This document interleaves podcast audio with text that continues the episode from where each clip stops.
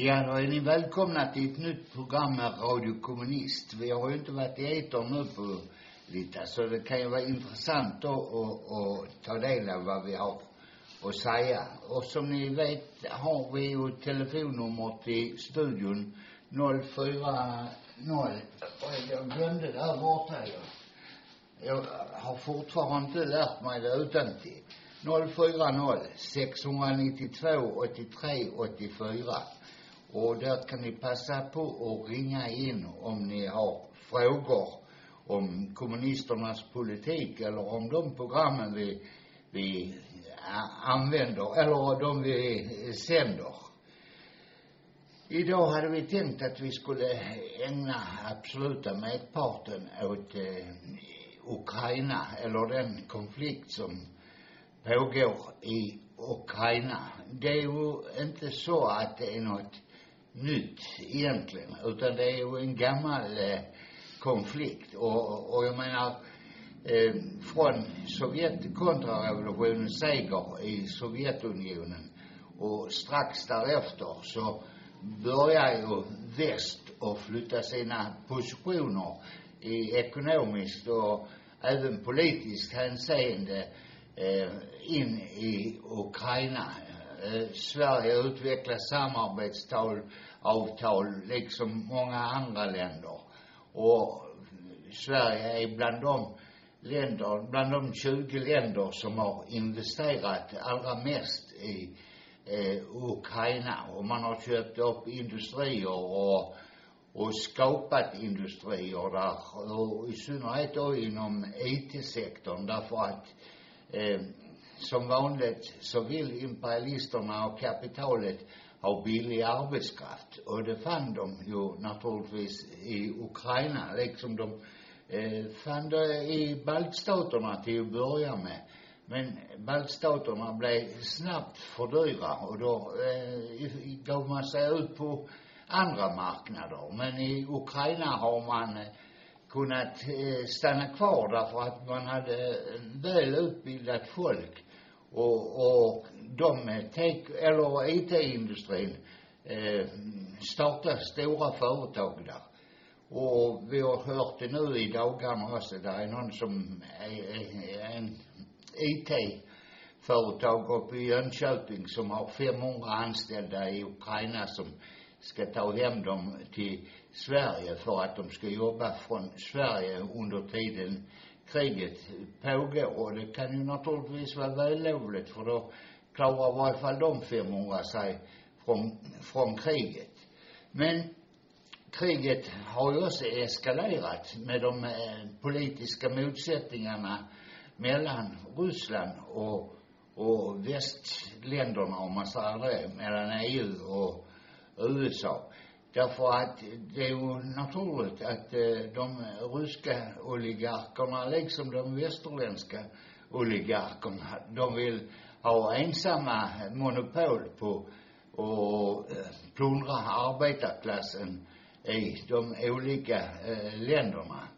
Och, och därför så var det egentligen redan 2014 när eh, statskuppen skedde så, eh, så, för det har hänt, eh, det skedde en statskupp i Ukraina eh, och, och där de som i, i samband med, vad heter det, media, media eller där de, ja de var i varje fall, hela EUs kabinett var där och demonstrerade mot den, den regeringen man skulle göra statskupp mot om man annullerar fascister från västra eh, øh, Ukraina, sådana fascister som hade på sin tid øh, eh, samarbetat med Hitler när man skulle krossa Ukraina då för tiden.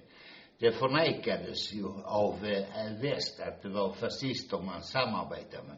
Men man kunde inte ändå eh, förneka liksom att i den regering som bildades under, eller efter statskuppen, där ingick faktiskt fyra stycken, eh, jag vill inte kalla det högerextremister. Nazister. Nazister helt enkelt, ja. Och, och de lämnade sen regeringen därför den ene blev chef för säkerhetstjänsten där och, och annat. Men det var ju så att eh, alla ukrainare var inte överens om, om den eh, högerextremistiska regeringen. Så där gjordes uppror lite runt om i landet.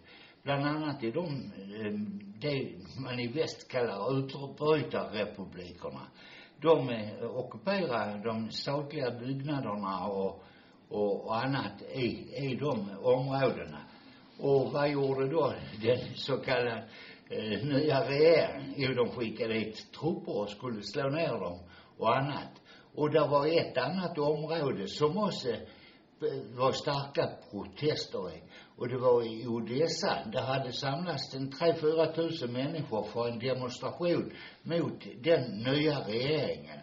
Men då skickade man dit eh, fascister där också för att slå ner den demonstrationen.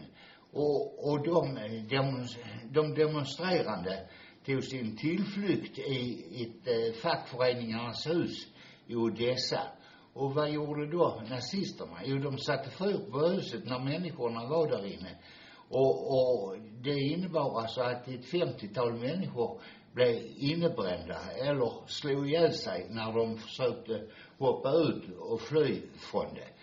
Under tiden så stod polisen och, och, och armén och titta på, alltså när fascisterna plågar människorna. Och, och, eller mördar människorna helt enkelt. Alltså det, det är lite svårt att säga, alltså de är nazister vissa av dem, det är sant. Men det är lite svårt, alltså man måste förstå att de här partierna i, i Ukraina inga liberala partier, inga konservativa partier, utan de skulle i princip kunna beskrivas som fascistiska partier i grund och botten. I den bemärkelsen har givetvis Putin rätt, alltså i den beskrivningen att de är fascister allihopa. De har rest monument efter, över fascister. Bandera. Ja, som Stepan Bandera. De har till exempel, de har fascistiska demonstrationer rätt ofta i, i, i Ukraina också, framförallt i Kiev och andra platser, eh, större städer. Så att, den, i den bemärkelsen har Putin faktiskt rätt i den beskrivningen. Att man- det kan man aldrig komma ifrån.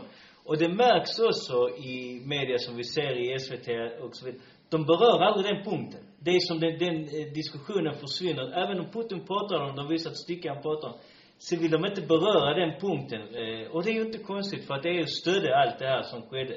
Man såg till exempel Carl Bildt springa sprang omkring och kramas med nazister. Det var, de hade ju till och med nazistflaggor bakom honom när han sprang omkring och, och kramas. Det var, det var ju rätt, lika pinsamt nästan som efter det som skedde 2001 i Göteborg där var, eh, vad heter det, Göran Persson stod och, och med moralisk indignation skrek, ja de är, de är fascister de här människorna som bråkar, de demonstranter. Sen nästa bild så står han och kramar eh, Berlusconi. Alltså det var ju bara löjligt ju att sitta och titta på. Så därför, eh, i den synen är det rätt. Däremot är det ju givetvis väldigt viktigt att man ska, arbetarklassen, det är två saker arbetarklassen måste alltid lära sig. Den ena är att aldrig ta parti för en imperialist för- för en, gentemot en annan imperialist i stridigheterna. För alltid har man använt det där med självförsvar och allt vad det nu än är för att för att starta krig i grund och botten. Och, och det finns alltid någon som tjänar på det. Och det är den andra saken man måste lära sig. Även om man kan diskutera historisk materialism och, och, och dialektisk materialism och allt som kanske vissa människor har väldigt svårt att förstå emellanåt. Så räcker det med att man säger att allting är business och det är någon som tjänar på det. Och det är alltid viktigt att se på det när det gäller sådana här konflikter. Att man, och det första man inser är att, ja det är inte arbetarklassen som tjänar på det. Det är det viktigaste att förstå när det gäller de här sakerna. Så att man inte liksom ta parti för den ena gentemot den andra när det gäller vissa typer av konflikter. Utan man ska förstå varför konflikterna uppstår i just de här lägena. Så man kan möta dem också på ett korrekt sätt. Vi ser ju den enorma propagandan just nu från eh, Sverige och alla andra där man lyfter fram konflikten som den värsta, som, nästan som den värsta konflikten som någonsin har hänt i världshistorien. Förutom eh, när vi pratar eh, andra världskriget. Och det är ju, det är ju inte alls sant egentligen i den Och det är ingen som fråntar att vara ut människor och sånt. Och vi, vi är motståndare mot alla imperialistiska krig. Och givetvis ska vi arbeta för fred när det gäller de här sakerna. Men det blir lite absurt och när man hela tiden ökar liksom, lägger på hela eh, extrema skrivningar och, och, och vad man säger hela tiden att det är det värsta vi... Okej, okay, men det var, men jugoslavienkonflikten var 10 000 gånger värre än vad det vi har sett nu. Vi har sett konflikten i Spanien med baskerna och så vidare. Den var också värre än, än den här eh, perioden. Vi ser det som hände till exempel med Storbritannien och vad heter Irland. Det var också väldigt fruktansvärt under väldigt lång tid. Man pratar precis som det har inte funnits konflikter i Europa i, i de här lägena. Eh, och utöver det ska vi också komma ihåg att just de som pratar om folkrätten allra mest nu, det är framförallt de som har brutit mot den allra mest de, sista, de senaste 20 åren. Om vi bara tar de sista 20 åren. Vi har Irakkriget, vi har Afghanistankriget, vi har bombningarna i Syrien, vi har till exempel eh, med Libyen också. Det, trots att folk tror på något vis att det kriget eh, hade rätt i folkrätten, alltså stöd för folkrätten, så hade den aldrig något stöd för. Det var därför man tog fram en sån konstig resolution i, i säkerhetsrådet. För man stödde sig på den, man stödde sig aldrig på folkrätten. Och den resolutionen löd mer eller mindre Ja, om armén eh, eh, kan någonsin hota den civila befolkningen så har vi rätt att gå in där. Men alla arméer kan hota den civila befolkningen här i vilket ögonblick som helst ju. Så därför var det en fullständigt idiotskrivelse eh, och det gav dem rätten för att gå in, som man påstår. Och sen har det funnits andra konflikter också som, där man har brutit mot folkrätten. Men just dessa människor nu går ut och säger liksom, nej detta är det mest fruktansvärda. Men vad hände med Jugoslavienkonflikten? När ni erkände, och sen efteråt när man erkände till exempel Kosovo, eh, där bröt man också mot folket. Alltså man har gjort 50 000 olika saker den sista tiden. Och det visar också att, på många sätt, att den folkrätten, det fanns en anledning till att Sovjetunionen i början inte ville skriva under den. Och då, det var på grund av att vad Sovjetunionen ville ha, det var en materialistisk hopkoppling med den. Så det inte bara blev några eh, simplistiska ord som egentligen inte betydde någonting. Som alla kunde stödja på sig när man väl ville och åberopa att den ena har gjort det ena och, och så vidare. Eh, och det är väldigt viktigt när man diskuterar folkrätten. Vi tog upp till exempel det här på Radio Kommunist en gång, Johan eh, för några månader sedan. Där var jag sa, ja, alltså det är ett brott mot folkrätten att ta en människa och sätta honom i finkan och låta oss svälta ihjäl. Men det är inte ett brott mot folkrätten att man låter hundratusentals människor svälta ihjäl varje år. Trots att man har meddelat, alltså göra så att de inte svälter ihjäl, utan vi istället bränner upp eh, maten. Vi bränner upp kläderna när de inte har kläder. Vi, vi gör allt möjligt liksom för att hålla upp profeten. Så därför är det viktigt också alltid att tänka på de här sakerna just när det gäller folkrätten. Att man inte låter sig luras bara med en, en diskussion om folkrätten i sig själv. Separerat från den verkligheten som existerar just nu. För vi vet att alla de här människorna, alltså kapitalet i dessa länder, de kommer givetvis använda folkrätten när det väl passar dem som ett verktyg i sin propaganda för eh, att göra det ena och det andra. Mm. Jo, nu kom du långt fram. Vi, men 1914 och den regeringen, det var då man trappades upp. Vi, bör- du berättade ju om att eh, alla var där. Jag vet inte, kommer inte ihåg vad Ann Lindes eh, motsvarighet hittade då. Hon var där och uppträdde. Vi fick till och med betala 2000 i böter. Eller inte i böter för vi använde en bild av henne när vi hade fotograferat henne tillsammans, eller det var TT som hade fotograferat henne tillsammans med de banditerna som sköt på poliser och alla eh, möjliga där. För man satte igång ju, de eh, fascisterna satte igång en skottlossning också ju naturligtvis. För att kunna reta upp folkmassan riktigt så man fick den till att gå mot parlamentet.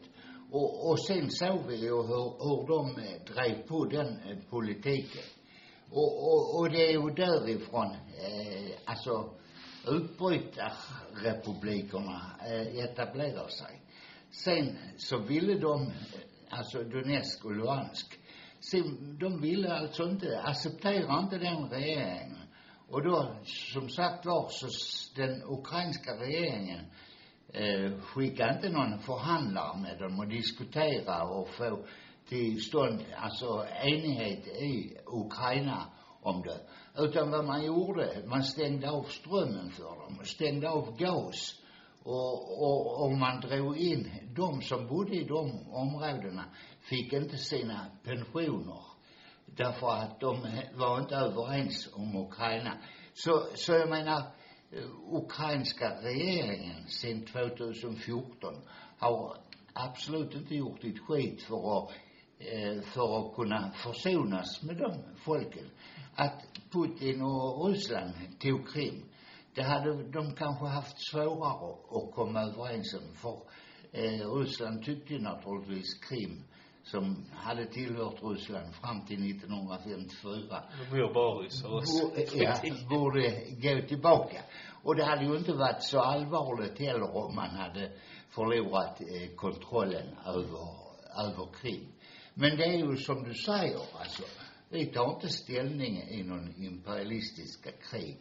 Utan det är ju naturligtvis så alltså att Sovjet och, eller Sovjetryssland och västvärlden har olika intressen. Det är bara den gamla välkända och Lenin väl understrykta eh, meningen om att imperialismen hela tiden försöker omfördela världen och rikedomarna och vilka de ska plundra.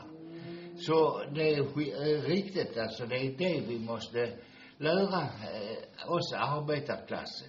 De ska, som de gjorde inför första världskriget, ryssarna åtminstone, gjorde då, för då var de ryssar, det var innan Sovjetunionen. De ska vända vapnen mot sina, sina eh, förtryckare helt enkelt. Ukrainska arbetare ska välja, eh, vända sina vapen mot de ukrainska oligarkerna. Ryssarna ska vända vapnen mot de ryska oligarkerna Och i och förbrödra sig. De har levt i fred alltså i 70 år tillsammans och utvecklats landet. Där, där finns ju jättemycket eh, fina industrier och annat som Ryssland och Ukraina och tillsammans med de andra Sovjetmedborgarna har utvecklat. Så det kriget som nu påföses dem, det är ett krig som de tvingas in i på grund av att det finns människor som vill leva på deras arbete och vill plundra dem på deras arbetes resultat. Och det är just det som är kanske emellanåt det svåraste för arbetarklassen att lära sig. Just för att eh, rent historiskt kan man säga att det har funnits en viss nationalism som har varit relativt progressiv och på något vis så lever den kvar men i en väldigt reaktionär form på något vis i, i, i dagsläget. Vi ser till exempel de eh, Afri, eh, afrikanska antikoloniala så, och den var delvis nationalistisk i, sig själv, men den var ändå progressiv. Men man såg liksom inte eh, sig själv bättre eller någonting sådant, utan det handlar om att ta kontroll över sitt territorium, rätt att utveckla sitt land i, i, i den riktningen. Och den var väldigt progressiv i andra hänseende också. Ett bekämpande av, av efterbliven, den kulturella efterbliven som, for- eftersom Eh, kolonialmakten gjorde ingenting. Tvärtom så gödde de emellanåt den här typen av kultur och man ville lyfta upp landet och industrialisera det och allt vad det nu är för någonting. Eh, så den var väldigt progressiv.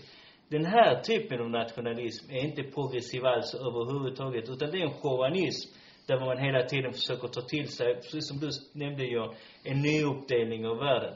Och vi kan se det väldigt tydligt i Ukraina på många sätt, där vi har sett, alltså till exempel vid den första statskuppen. Alltså, det var ju inte bara så att du hade eh, den nazistiska delen och, och utan de ingick senare, eh, senare i hela statsapparaten. Precis som du nämnde, de hade hand om säkerhetstjänsten, men de hade också delar i militär och, Ja. och andra delar. De har kommit in där. Så även om denna eh, Svoboda-seger, om man vill kalla den så, den minskade, så hade de ändå tagit väldigt viktiga positioner i själva hela samhällslivet. Och vi ska återigen komma ihåg att de här partierna rent generellt är redan fascistiska partier. Alltså de, jag skulle nästan vilja säga, de, de står kanske två, tre steg hö, längre höger ut än Sverigedemokraterna Ja, just i det här eh, tillfället. Nu det är klart, eh, skulle situationen bli annorlunda kommer Sverigedemokraterna självklart visa sitt korre- eh, rätta ansikte i, i det här. Men det är just så de här eh, organisationerna, deras glorifiering just av nazistiska kollaboratörer och allt vad det nu är. Det gick till och med så långt att man kan liksom inte påstå att Israel bryr sig någonting förutom Israel emellanåt. Men det gick så långt att Israel som stat gick ut och kritiserade det som skedde både i Ukraina och i de baltiska staterna vid de här tillfällena där man reste just monument. Man kritiserar väldigt hårt till exempel en kvinna som hade varit med i, i motståndsrörelsen, jag tror det var i Ukraina just, som var en, en väldigt känd eh, person, eh, en, en riktig hjälte om man ska säga så. Nu blev hon helt plötsligt en landsförrädare för att hon bekämpar fascisterna. Och det gjordes under hela den här perioden. Så att när man diskuterar de här sakerna, alltså det är väldigt viktigt att förstå det. Men samtidigt så har också EU gött den här typen av eh, personer. Man har gett stora ekonomiska bidrag, man har stött dem hela tiden. Och det är just för att man vill komma in där själv liksom. Man vill ta och ha en ekonomisk kontroll över territoriet, man vill kunna sälja vapen till Ukraina, man vill att ukrainska folket ska springa omkring och, och eller staten då ska ta stora lån från internationella valutafonden och allt vad det nu är för att bygga upp. Så man är mer eller mindre en halvkoloni, eh, eh precis som de baltiska staterna. Man springer omkring och gnäller om Sovjetunionen, ja det var en koloni på den tiden. Men idag är de koloni till Sverige och Swedbank ju. I praktiken äger Swedbank allting i, i de baltiska staterna i, idag, eh, stora delar åtminstone, sektorer av det. Så, så att man kan inte springa omkring och, och komma med den synen. Utan det, återigen, man måste på något vis förstå de här sakerna. Och det är viktigt liksom att eh, man inte bara kör på en sån ensidig och grov propaganda från, som vi ser idag, där man verkligen försöker skrämma upp befolkningen som man gör så att man ska gå med i, i NATO i framtiden. Mm. Man ser ju också hur, alltså propagandan, eh, de säger att eh, den första, eh, första som förlorar i kriget är sanningen. Och, och det ser man ju eh, tydligt liksom, hur väst monopoliserar propagandan. Man påstår då att allting som kommer från, eh, från Ryssland, det är propaganda och det förtigs saker och ting. Jag måste säga att jag är inte så eh, ensidig utan jag vågar till och med läsa Russia Today och även eh, Sputnik News. Därför att jag äh, tror att eh, om man ska få en riktig bild av det så måste man ju ta del av, lite av vad alla säger. Men de säger ungefär samma sak. Ja, Putin och Ryssland säger ju naturligtvis något annat. De, de säger ju inte att ni, eh, ja, de tar upp den säkerhetsaspekten som det innebär alltså om Ukraina går med i NATO så riskerar man att få eh, missiler in, in eh, rätt långt in i, i Ryssland. Men i övrigt så är det ju då om, omtanke om det ryska språket och den ena andra eh, massa. Men det är ju naturligtvis inte det eh, konflikten handlar om för Rysslands del heller. Utan det är ju omfördelningen helt enkelt. Man vill förhindra väst att få större, eh, större profiter från Ukraina. Och väst vill precis detsamma. M- Väst det då att det är humanitärt och en massa annat. Jag menar samtidigt nu, det kriget pågår där. Hur, hur ser det ut nere i Jemen till exempel? Där man har en, en bundsförvant, alltså Saudiarabien, som håller på att slå ihjäl jemeniter. Så är det världens fattigaste ja, länder. ja, världens fattigaste länder. Inte fan skickar man ner 5000 Carl Gustav, nej det var inte Carl Gustav gevär, men sådana raketgevär till jemeniterna så de kan försvara sig mot Saudiarabien. Därför att Saudiarabien är deras in, eh, eh, Eller åtminstone USAs allierade. Ja. därmed blir de också... Ja, även Saudi, där- alltså även Sverige. Det var ju där Sverige byggde en vapenfabrik för att kunna sälja vapen, kunna gå förbi vapenexportförbudet. Nej, nej, det var inte så. De tänkte på miljön och de ville inte transportera det dit, så det kan bara Okej, det. ja, ja. Så kan man naturligtvis motivera det. Och sk- skulle inte förvåna mig ifall den svenska regeringen. Men eh, vi ser vilka det är som betalar det, vilka de överlastar de imperialistiska krigens bördor på.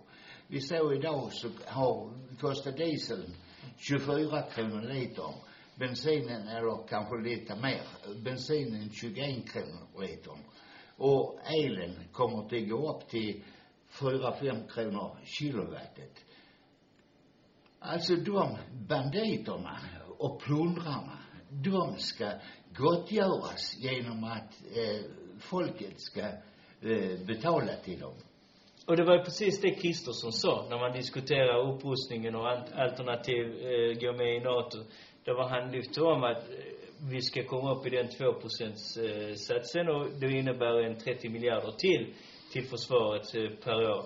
Och, och han sa, så sa han, och jag tyckte han gjorde bort sig lite där, det kommer att betyda en form av uppoffring. Vem är det som ska uppoffra sig i, i det här läget? Är det Kristersson som kommer, kommer det komma ur hans plånbok? Givetvis inte. Utan det kommer komma från arbetarklassen. Varifrån? Kommer komma från vården, kommer komma från skolan, kommer att komma från assistansbidrag eh, och allt vad det nu, sjukförsäkring. Det är där man kommer att ta pengarna från. Så det kommer att bli, bli en uppoffring givetvis. Och framförallt för de som inte har pe- pengar i plånboken, det är de som kommer att betala och de kommer att ha ännu mindre i, i, i plånboken när det gäller de här sakerna. Det är just därför Alltså det är därför jag menar liksom att man, det handlar inte om bara att se att en part tjänar på det. Utan man måste se på vilket sätt tjänar alla parterna eh, på det här. Vi har sett att kanske Ryssland kommer kanske tjäna i framtiden på det här. Vi, ser om de det mitt eller, eh, eller tar en bit till från Vitryssland, eh, vit, från eh, Ukraina och, och vad det nu än är för något. Kanske de tjänar eh, på något sådant.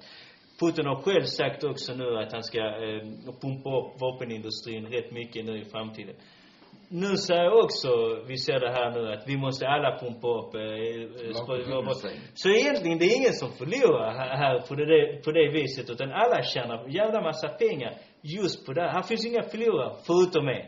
Och det är givetvis arbetarklassen och de som utsätts för den här typen av konflikter i grund och botten. Inte de som kunde åka iväg direkt innan det, det bör, innan det började bombas, som lämnade Ukraina, utan de som många gånger blir kvar. Och, och det är just det, det gäller också Ryssland i sig själv också. För om man, när man pumpar upp militären där, så måste det tas från någonstans också, i grund och botten. Nu är, vet vi också givetvis att det är, när det är pengar till eh, finanskapitalet. Så är det på något vis som man springer omkring i Rosenbad och öppnar en dörr och säger, vad fan har jag 50 miljarder som låg här inne. Man har inga problem att hitta pengar. Vi har sett det under pandemin. Vi såg det under, de- när finanskrisen kom 2008. Det var enorma pengar som kom. Vi sett, vi sett diskussionen om satsningar på polisen där var man ena satsar mer än den andra. Det blir nästan absurt. Eh, ja, vi ska ha 2000 fler snutar. Nej, vi ska ha 6000. Nej, vi ska ha 10 000. Den andra kommer med 15 000. Plus vi ska pumpa in kanske 2-3 miljarder extra och allt vad det nu är för. Vi har 17 000 människor som är döda här på grund av pandemin. Eh, och många av dessa människor hade kunnat räddas om vi hade haft en riktigt, riktigt bra äldreomsorg i grund och botten. Där var man inte hela tiden har delade turer och allt vad det nu är för någonting. Man hade, man, där var man hade tillåtit att de här eh, äldrevårdsboenden hade haft fått ha riktig läkare tillgång till, som de uppenbarligen inte får i, idag i Sverige. Var är diskussionen om att stärka det här? Vi har sett till exempel återigen ett uppror nu från sjuksköterskor som kom. Det var 13 förbund, alltså vårdpersonal som hade gått upp och sagt att nu måste vi jävlar i det. Och de ville ha en ny, jag tycker det är fel av dem att de ska ha en ny kommission, för man har haft 50-11 kommissioner redan i, i det här. Men i alla fall, de krävde en ny kommission som ska titta, en, en kriskommission, som de kallar. Vad är diskussionen att pumpa in pengar i den här sektorn? Alltså, där finns ingen diskussion överhuvudtaget. Eh, man säger, ja, ja, ni är jättefina människor och, och sen får ni liksom få hjärtattack på jobbet. Vi skiter liksom i vilket, jag, jag bryr mig inte. Så att, det är väldigt viktigt, menar jag, att i den här diskussionen, precis som när jag pratade med en av mina närmsta vänner eh, i- idag, eh, vi satt och pratade lite på telefon, så sa han att, att till sin lillebror, när de diskuterar just det här med NATO och så. Så vi har ingenting att tjäna på det här liksom. Vi har bara att förlora hela tiden. För det måste tas någonstans ifrån. Och det kommer givetvis tas från vår vård och, och vad det nu än är för någonting. Det här är ju bara ett sätt helt enkelt att skrämma upp människor och nu ska vi pumpa in mer pengar i det här. Och vem är det som tjänar pengar på det? Ja, krig drar in allihopa. Läkemedelsindustri, järnindustri, kolindustri, textilindustri och allt vad det nu än är för någonting. Ja. Jo, det är alldeles, alltså alldeles riktigt att de, men jag tänkte på när du sa det att eh, det kommer inga, kommer inga förslag vad det gäller äldrevården, men det, Ja, förutom vi då. Ja. Nej, men det finns andra som har föreslagit att man ska bygga äldreomsorgscentra nere Ja. i norra Afrika. För att i Afrika tar de hand om tio gamlingar eh, till samma pris som vi vårdar två stycken här i Sverige. Så där finns alltså förslag, reaktionära förslag. Alltså liksom, vi ser nu hela mycket av beställningslarmfunktionerna läggs ut på andra länder i Afrika, i Estland, Lettland och överallt där det är billig arbetskraft kan man idag med den, med den tekniken eh, vi har eh, lägga ut det. Men alltså, jag är inte så eh, jäkla noga på att vi ska ha allting här i Sverige. Men det är ju för jäkligt att människor ska behöva gå och jobba åtta timmar i den hetsen som är idag för att finansiera Alltså till exempel de 5000 raketerna de ska, eller raketer, eh, gevär eller eh, pansarskott man ska skicka till Ukraina. Vilka kommer till att- få dem? För naturligtvis kan ju inte Sverige vara utan dem, utan man kommer till att köpa nya då och ett engelskt företag som ska Tusen undersköterskor där eller någonting i den stilen. Ja, minst. Eh, minst. Alltså man har sagt att eh, det militära biståndet skulle uppgå till max 400 miljoner kronor. Och, och det är möjligt alltså att de inte, eh, de gamlingar, de gamla eh, så kallade pansarvärnsvapnen, de är inte värda mer än därför att det, det är ju sånt som de vill göra av med för att kunna köpa nya och då eh, producera mer profit till ett eh, fåtal kapitalister. Och, och, och, och det är samma det med NATO-anslutningen.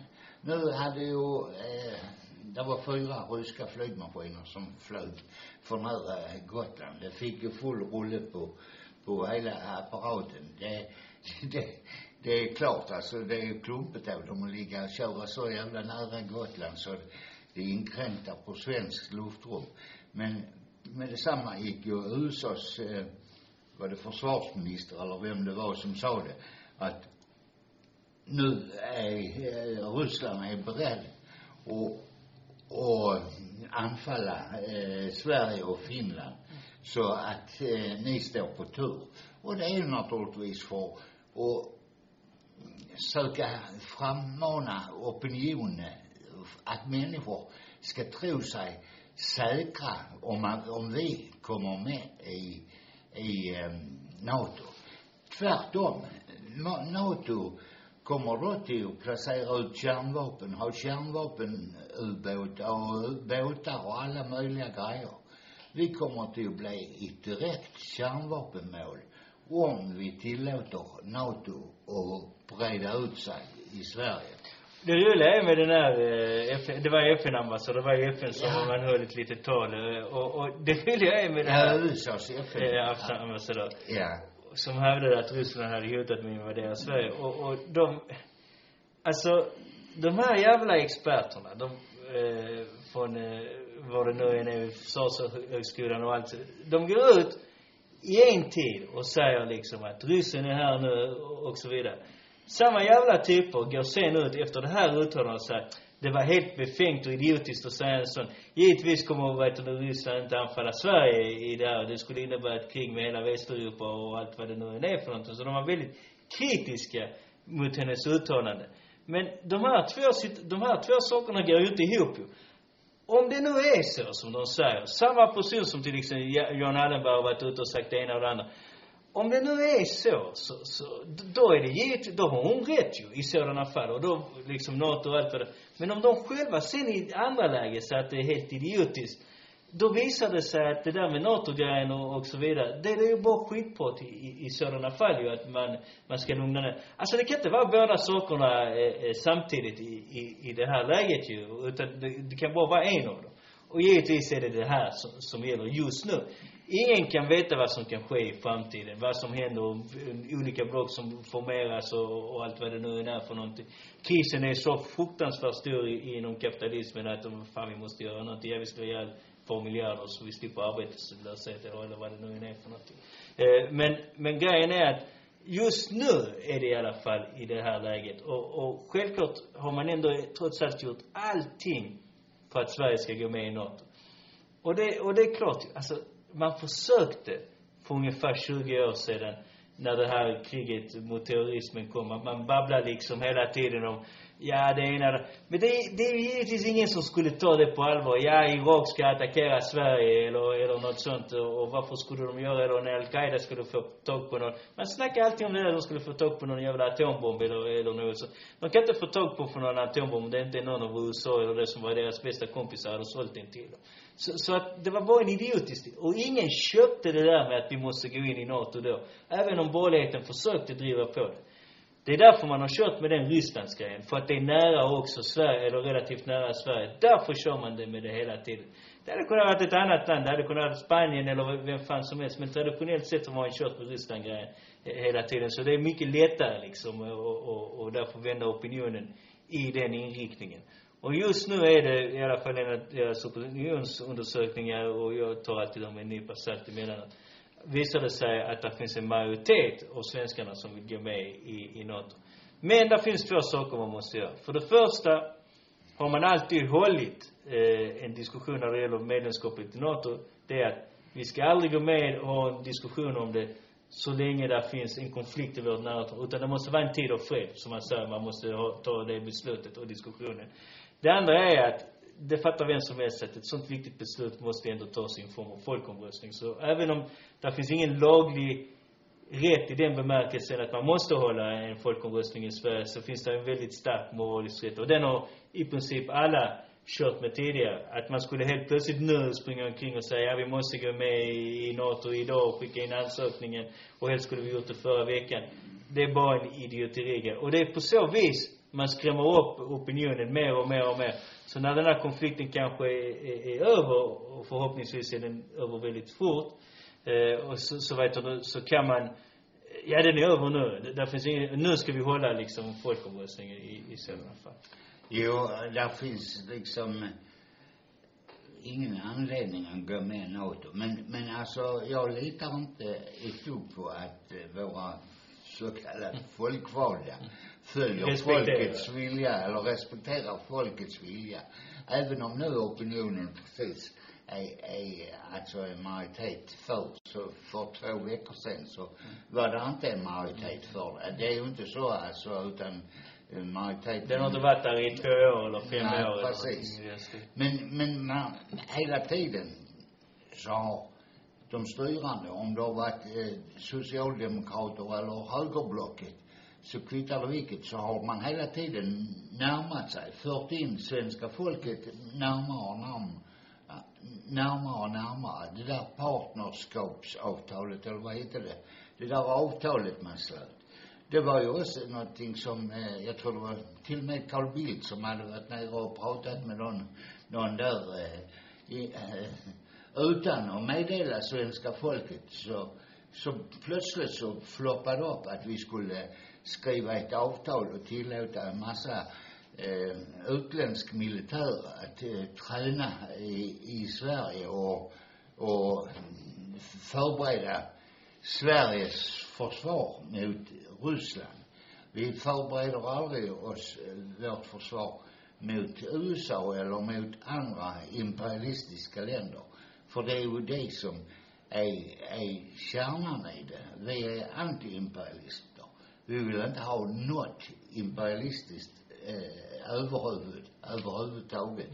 Utan det ska vara det svenska folket som i samverkan med andra folk, självständiga folk, eh, fattar sina beslut. Inte vad eh, kapitalet fordrar för profiter ska styra eh, vårt leverne. Det finns en sak till som vi måste ta upp John på det här radioprogrammet. Och det handlar om embargot eh, mot Ryssland.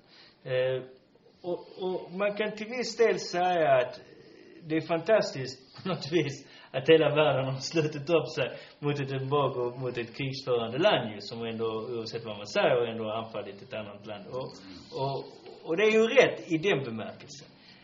Det som är problematiken med det här är just den hycklande attityden man visar upp. Alltså, återigen, alltså, man har alltså fört, till exempel, man, man hade ett krig i Irak 1991 eh, som hade ett FN-stöd. Varför hade den ett FN-stöd? Jo, för Irak invaderade ett annat land, helt enkelt.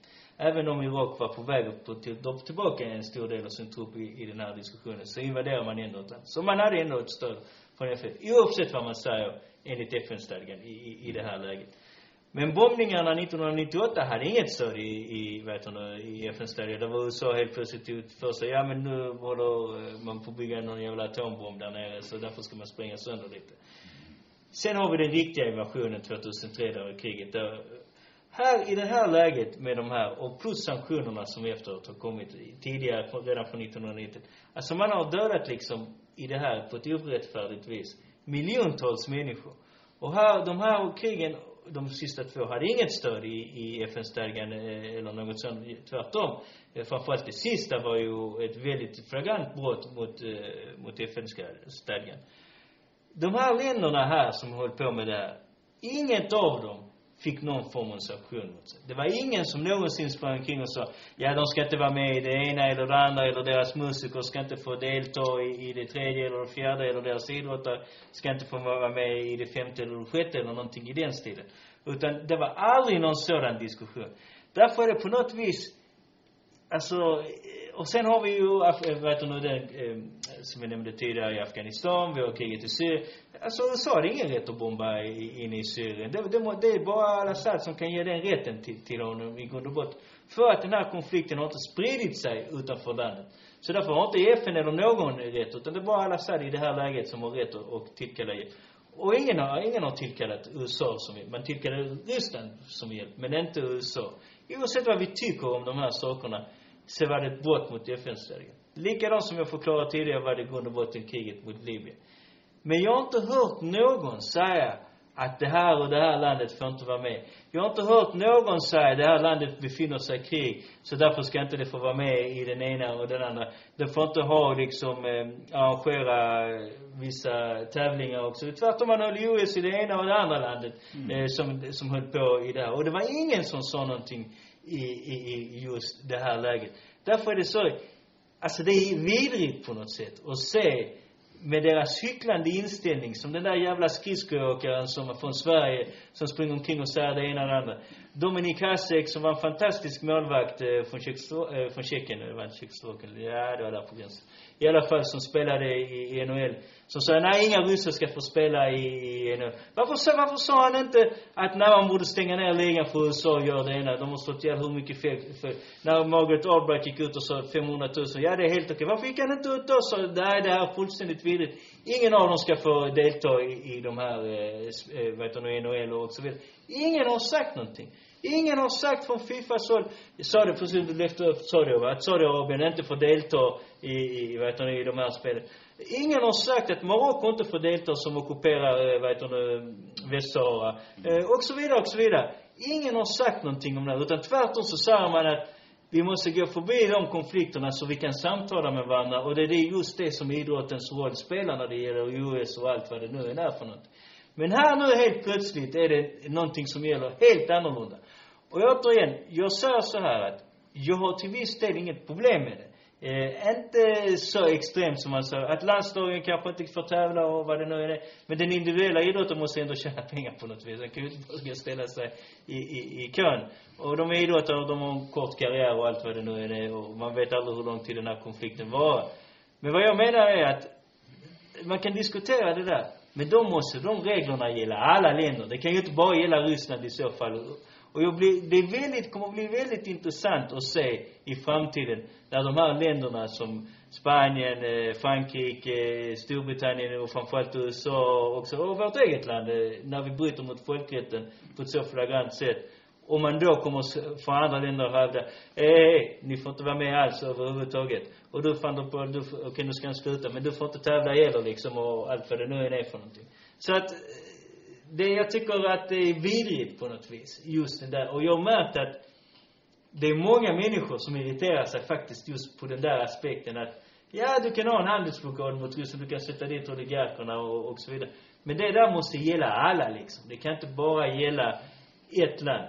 Och den enda som kan göra så att det gäller alla och så vidare, vad det nu än är för någonting, det är arbetarklassen och dess egna organisering. Där man kräver på något sätt, kväver de imperialistiska krigen när de väl bryter ut. Precis som du sa John, att man vänder vapnen mot sin, sina förtryckare.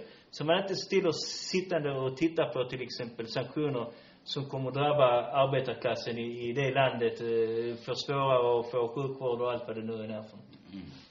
Nej, så är det ju naturligtvis. Alltså ett väldigt hyckleri gentemot, eh, mm, alltså hyckleriet riktar sig egentligen mot arbetarklassen. Man pratar om för dem vad de ska tycka och tänka och, och, och Det är rätt och, intressant faktiskt, det Ja, där man tar upp. alltså hur de påverkar, alltså de har lärt sig mycket av eh, psykologi och, och mediapsykologi, hur man driver fram eh, sådana här eh, masspsykoser. Hur man döljer sina egna eh, angrepp helt enkelt, eller vad man ska kalla det. Hur man döljer sina verkliga syften och, och klär det i humanismen och, och än den ena och den andra ordet. Vi ska veta att oavsett om de är ryssar eller amerikaner eller europeer, kapitalister, deras enda intresse är deras egen plånbok. Så länge, så länge pengaflödet rinner in i den så bryr de sig, sig inte ett jävla dugg. Jag kan en, en gång ta bensin och elpriset här i Sverige. Hur mycket pengar tror ni nu kommer till att landa i Syd, eller eh, Vattenfalls och Eons och eh, deras fickor? Det är enorma massor av pengar. Och det har ju inte, är ju inte så att elen är dyrare att producera. Men de kan sälja den dyrare. Det är det de tar fasta på. Och det gäller för arbetarklassen nu, för vi står inför eh, många avtalsrörelser. Nu kommer man säkerligen till att använda Ukraina-kriget, att vi ska Vara solidariska. vi- solidariska och uppoffra oss för dem, så ni ska inte kräva så höga löneökningar. Jo, kräv höga löneökningar och plocka pengar från dem så mycket som möjligt. För till mindre pengar de har, till mindre vapen, eh, till mindre eh, kan de spendera på vapnen och på så vis eh, skapa fred. Det är klasskampen som kommer till att förhindra dem att starta krig. Och det är just det, alltså ett krig måste alltid rationaliseras på något vis. Det måste alltid förklaras eh, varför man gör det. Det är ingen regering kan bara säga nu går vi bomba sönder. Det, det funkar inte så på det viset utan du måste alltid ha en tillåtelse på något vis av arbetarklassen. I grund och botten måste man ha det att man startar ett krig. Och därför måste man få, precis som du sa, den typen av psykologisk krigsföring. Och detta är någonting som marxismen har förklarat. Att det handlar inte bara om att bedra arbetarklassen. Man måste till och med bedra sig själva, att man tror, om man har en viss rättfärdighet i det. Ta Justin eh, Trudeau i, i Kanada till exempel. Han är en av dem som har sprungit kring och galet mest av alla. Alltså, det var bara som ett år sedan, när det kom ut nu, de fruktansvärda brotten man har begått mot sin egen befolkning just när eh, den, eh, vad heter det, eh, den ursprungsbefolkningen som finns i Kanada, som man har begått i decennier. Ända fram tills nyligen, där var den katolska kyrkan tillsammans med statsapparaten och har liksom man vet inte hur många man har slått ihjäl på de institutionerna. De, eh, alltså pedofilbrott och, alltså alla de värsta brotten du kan tänka dig som har gjort dem för att utplåna deras egen kulturell identitet och, och genomförs den sista.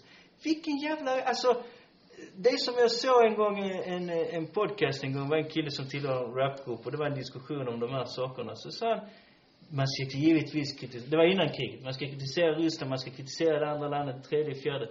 Men vi i USA, egentligen innan vi börjar kritisera någon så måste vi titta på vår egen historia, vad vi har gjort för någonting gentemot andra länder och vad vi fortfarande gör mot vår egen befolkning innan vi börjar kritisera. För det finns ingen som är värre än vad vi är liksom i, i, i den här diskussionen i grund och botten. Och vi som människor måste lära oss och se dem och inte låta oss luras och bedras av dem. Och det gäller givetvis Sverige också. Och det är lite det du menar Jan i, i den här diskussionen, att man måste lyfta fram sin egen situation. Ah, titta det andra landet, det övervakar folk. Alltså vi övervakar folk mer än någon annan. Och vi till och med ska anta en lag där man säger att du behöver inte ha eh, ett laga stöd för att övervaka någon. Kristersson går ut och säger att ja, vi ska ha omvänd bevisbörda i, i vissa saker och, och så vidare. Fan, vilken rätt har vi springer omkring och säger att Putin det är ingen säker rättsstat när vi själva gör de här grejerna i, i Sverige? Nej, det var intressant att du tog upp det om Kanada, för deras biträdande utrikesminister, eller det var utrikesministern själv, är, är en kvinnlig, ja det var, men i varje fall en kvinna. Hon stod tillsammans med en del andra demonstranter och höll upp eh, de ukrainska fascisternas banderoll.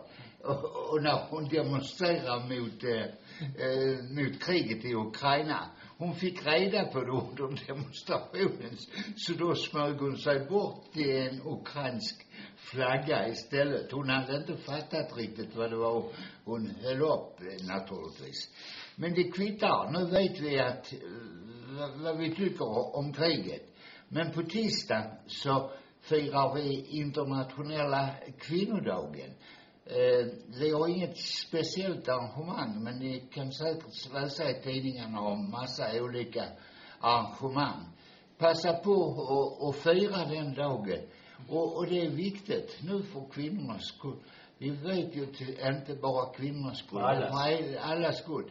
Vi ser ju hur, hur, alltså i huvudsak kvinnor har slitit inom sjukvården nu under tre år under den pandemin. Eh, innan så skrek man mycket om vi behöver 10 000 fler poliser. Och nu behöver vi verkligen eh, ännu fler inom 100 000. sjukvården. Både manliga och kvinnliga naturligtvis. Men också att de ska ha, eh, poliserna tyckte man man skulle ge 10 000 mer i lön. Jag hoppas att i denna avtalsrörelse värdesätter man den kvinnorna så kanske vi kommer ett steg på vägen till den jämlikhet som man påstår ska råda i Sverige. Det är viktigt att arbetarklassen själv tar tag i de frågorna. För att om man skulle sitta och vänta på vad de skulle ge oss så skulle man snart, tvärtom skulle de säkert säga att vi ska gå back lite, 5 000 spänn mindre.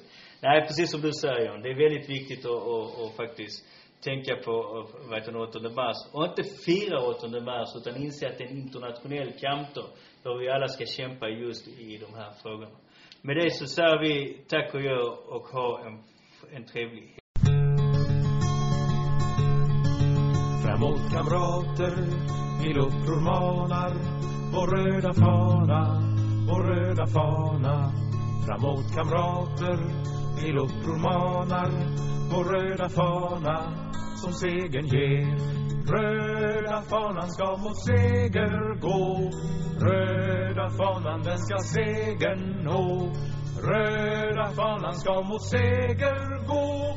Leve socialismen, leve friheten.